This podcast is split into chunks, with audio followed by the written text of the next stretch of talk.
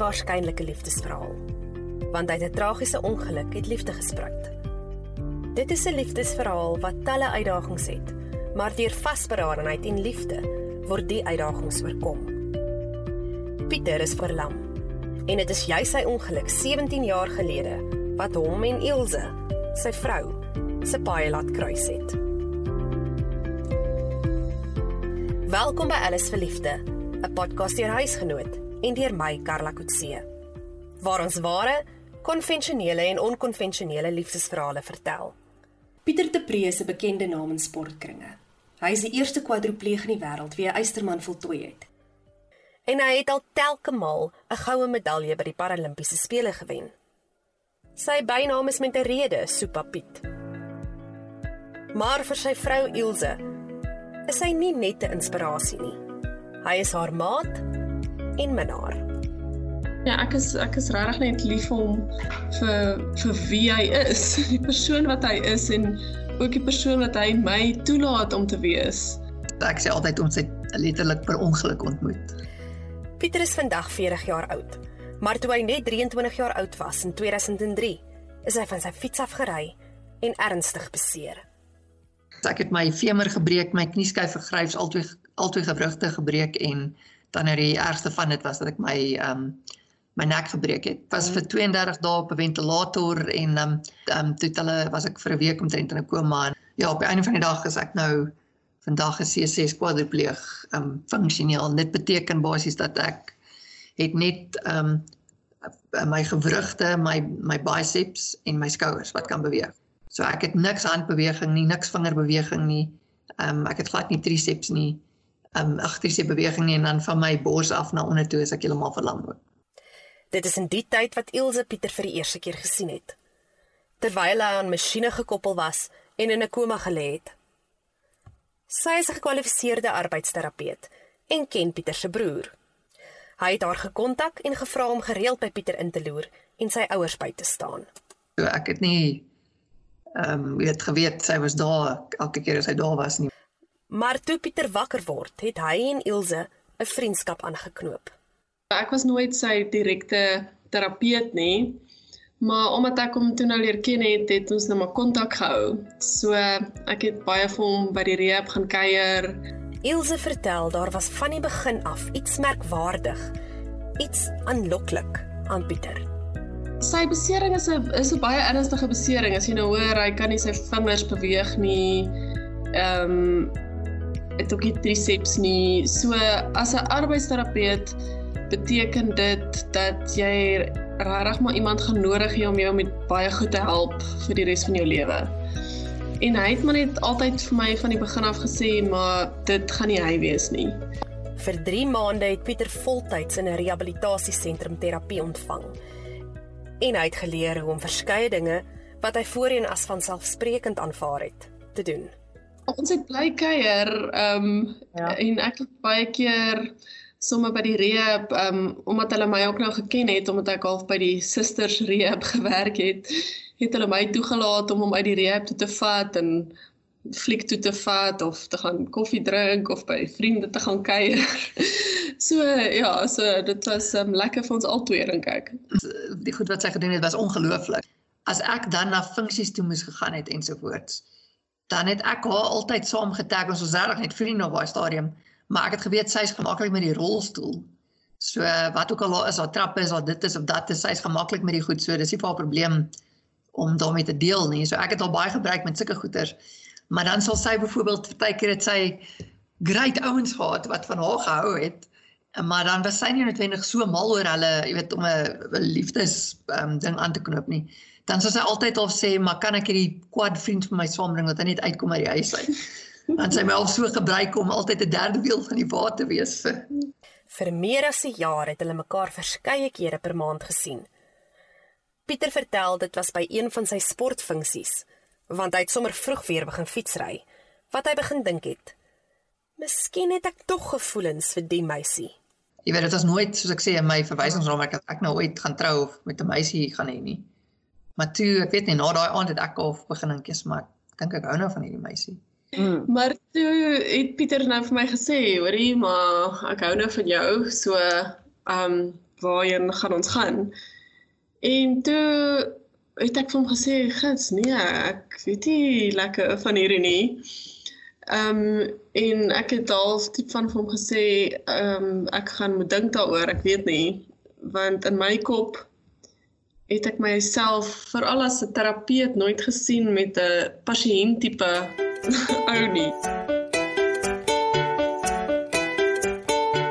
Dit het ek baie lank daaroor gedink want ja, ek is regtig mal oor hom maar in my kop was dit net nee, hy's in 'n rolstoel. Ek weet nie lekker van hierdie nie. Ek is nie konvensionele C6 kwadripleeg nie.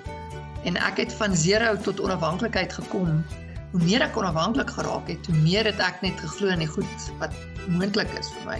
En ek dink die ding, jy weet, wat dit ook moeilik maak as mense nie besef nie is dis nie noodwendig net sy nie, dis wat haar familie vir haar sê en ehm um, wat haar vriende vir haar sê en almal het 'n verskillende view en ehm um, jy weet op daai stadium met hulle my nie so baie goed geken nie en my dalk een keer hier en een keer daar gesien en op daai stadium was ek nie 'n ou wat Laurie Sport Awards toe is of 'n wêreldkampioen of hierdie dit of dat of 'n werk vaste ordentlike werk het of dit of dat nie. Op daai stadium was ek 'n ou wat hierdie compression sokkies gedra het wat my maat my geforseer want hulle sê is goed vir bloedsirkulasie. Ek kon amper nog steeds niks vir myself doen nie, et cetera. Jy weet ek moet so baie goeders vir myself leer en uitfigure. So. Ilse het op 'n plaas groot geword naby Koster in Noordwes en is die jongste van 4 sissies. Sy vertel vriende en familie het sonder om te huiwer vir haar gesê: "Maar dit kan mos nie werk nie. Hy's in 'n rolstoel." Almal het die idee van 'n man wat fisies goed vir jou kan doen. Jy weet, hy is die een wat die kar inlaai. Hy is die een wat die wiele kan omruil. Hy is die een wat weet fisies ehm um, goed vir jou kan doen. Tog blyk dit of Ilse se pa van beter geweet het. Ek het nooit haar pa ontmoet nie. Ehm um, haar pa is oorlede ehm um, so 5 6 maande na my ongeluk. En ek was 'n hmm. maand oorlede is eers die eerste keer op die plaas gewees. En ehm um, hulle het na 'n nuwe plaashuis toe getrek ehm um, 'n paar jaar voor dit ek weet nie presies wat nie, maar eers op ons troue, Ilse het ook nie hiervan geweet nie toe het my een swaar, die ou oudste sussie, ehm um, se man, vir ons vertel hoe haar pa het vir hom gesê wanneer hulle nou hierdie nuwe plaashuis waar hulle gaan intrek doen, regmaak en so voort, moet hulle seker maak dat daar ramps en goeders is vir as Elsje dalk eendag 'n man in 'n rolstoel na die huis toe bring. Hulle is in 2008 getroud. Maar 'n jaar later het hulle gehoor hulle sal nie kan kinders hê nie. Pieter se spermtelling is te laag, 'n algemene probleem in kwadriplee. Pieter het egter op sy sportloopbaan gefokus en die een na die ander medalje gewen met Ilse aan sy sy. Sy is die een wat vandag nog die fietsse op en afslaan. Seker maak al die parte is geolie en werk goed. Maar die egpaar sê behalwe vir die hulp, is Pieter eintlik heeltemal onafhanklik. Op 'n daaglikse basis is dit regtig eintlik maar net Pieter se sportgoed wat ek hom bietjie mee moet help. Ehm um, in die oggende as hy as ons nou werk toe gaan, ehm um, soos op 'n normale lewe as ja. mense dan op kantoor toe gaan. Nee, in lockdown is nie, kan swembad toe gaan en goed. dan sal ek nou in die oggende vir hom help om ehm um, in die fiets in te klim sien nou maar en dan doen hy nou sy sessie met die fiets en ek gaan doen my ding met die honde en gaan stap. En uh ja, so ek sou help met die fiets. Ek sal vir hom ontbyt gee en dan voor ek werk toe gaan, sit ek vir hom klere op die bed neer wat ek ook nie reg eintlik hoef te doen nie. Dis net bietjie meer moeite ja. om hom met self uit die kas uit te haal. Dis 'n um, bietjie leigatheid wat met die huwelik ingeskop het. So, aangesien jy nie jou vingers kan beweeg nie, hoe WhatsApp jy? Ja, so dis nou die ding. Ek ek kan nie my vingers beweeg nie, maar ek kan my hele arm beweeg om die knoppie te druk met my vingers. So, jy weet, dis die ding.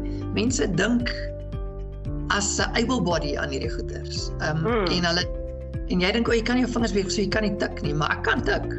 So ek kan die boodskap tik met my vingers. Ek doen dit net op 'n ander manier. In 2013 het Pieter vir maande voorberei om die eerste kwadripleeg ter wêreld te word wat 'n eysterman voltooi. Maar die planne is byna aan die wiele gery. Pieter sê die gebeurtenis het hom net weer laat besef hoe kosbaar Elsje vir hom is. My drome het haar drome geword. Ehm um, ons jy weet dit het een droom geword en jy weet die die grootste voorbeeld wat ek net altyd kan gebruik wat my net getref het is aanvanklik was daar vir ons gesê ek dink in, in einde 2009 dat ons kan nie kinders hê nie. En toe het ek in 2013 ehm um, geoefen om die eerste kwadripleeg in die wêreld te word om 'n vol eysterman te doen. En 6 weke voor dit toe was daar 'n fietsryer wat voor my ehm um, 'n e-draai gemaak het en toe het ek ek kon hom nie mis nie en toe het ek my voorarm gebreek. Ehm um, en toe ek daai dag daar in die hospitaal lê, toe daar by die hospitaal kom en ehm um, my arm is gebreek in drie stukke my voorarm en sy het gedink my Ironman droom is verby. Ehm um, het sy so gehuil en toe sê sy vir my hierdie is erger vir haar as toe sy gehoor het ons kan nie kinders hê nie. Pieter het die Eysterman voltooi met 'n gebreekte arm. En Ilse en Pieter was vasbeslote om 'n kind van hulle eie te kry. In 2013, te danke aan nuwe tegnologie, kon dokters toe 'n paar sperms van Pieter kry en die egpaar het met in vitro bevrugting begin. Talle kere is embrio's in Ilse se baarmoeder geplant in die daaropvolgende 4 jaar, maar nooit het sy daai twee streepies op 'n swangerskaptoets gesien nie. Die 5de IVF, die laaste een. Die heel laaste, laaste, laaste, laaste, laaste ene. Ehm um, is ek toe swanger. Die egpaar het vandag 'n blonde woelwater seentjie, Pietman, wat 3 jaar oud is. En saam sy ouers die wêreld vol reis na waar ook al Pieter deelneem. Ilse vertel as mens nou al ooit 'n pakkaas gesien het. Die deprees met hulle sporttoerusting, rolstoele, kind en stootwaandjie is iets om te aanskou as hulle oor see vlieg vir een van Pieter se kompetisies. Tog, soos alles, maak hulle dit werk. Behalwe vir hulle reise en Pieter se sportprestasies, is hulle nes enige ander getroude paar, vertel Ilse. Net omdat Pieter van sy borskas af onder toe verlam is, beteken nie die egpaar kan nie intiem wees nie. Dit soos om intiem te wees met mekaar Ek meen dit is mense is lief vir mekaar en dit is half 'n natuurlike ding. So obviously is daar goed wat nie heeltemal dieselfde is nie. Kyk en ek ek dink die ander ding is maar net om 'n uh, bietjie educational opvoeding te mm. gee. Mm. Jy weet almal is verskillend. Ehm um, en party ouens sal dieselfde vlak besering hê, maar dan werk hulle dan sal hulle seksuele funksie anderste. Ehm um, party ouens kan nog ereksies hê, party ouens kan nie selfs al kan jy nie dan is daar goed wat jy kan doen um, om te help. Met alles van rolstoel en verhouding of so ek sê altyd ons doen partykeer praatjies en so en dan sê ek net ek kan nie met my vrou hand in hand op die strand gaan stap nie maar julle kan nie met julle vrouens teen 40 km/h op julle skoot by afdraande af so uh, jy weet dit dit, dit dit vir my dis ek net op kop skuif weg van die oplossing tot enigiets. Weet die manier hoe jy oor goed dink is net anderste maar jy kan nog net speel van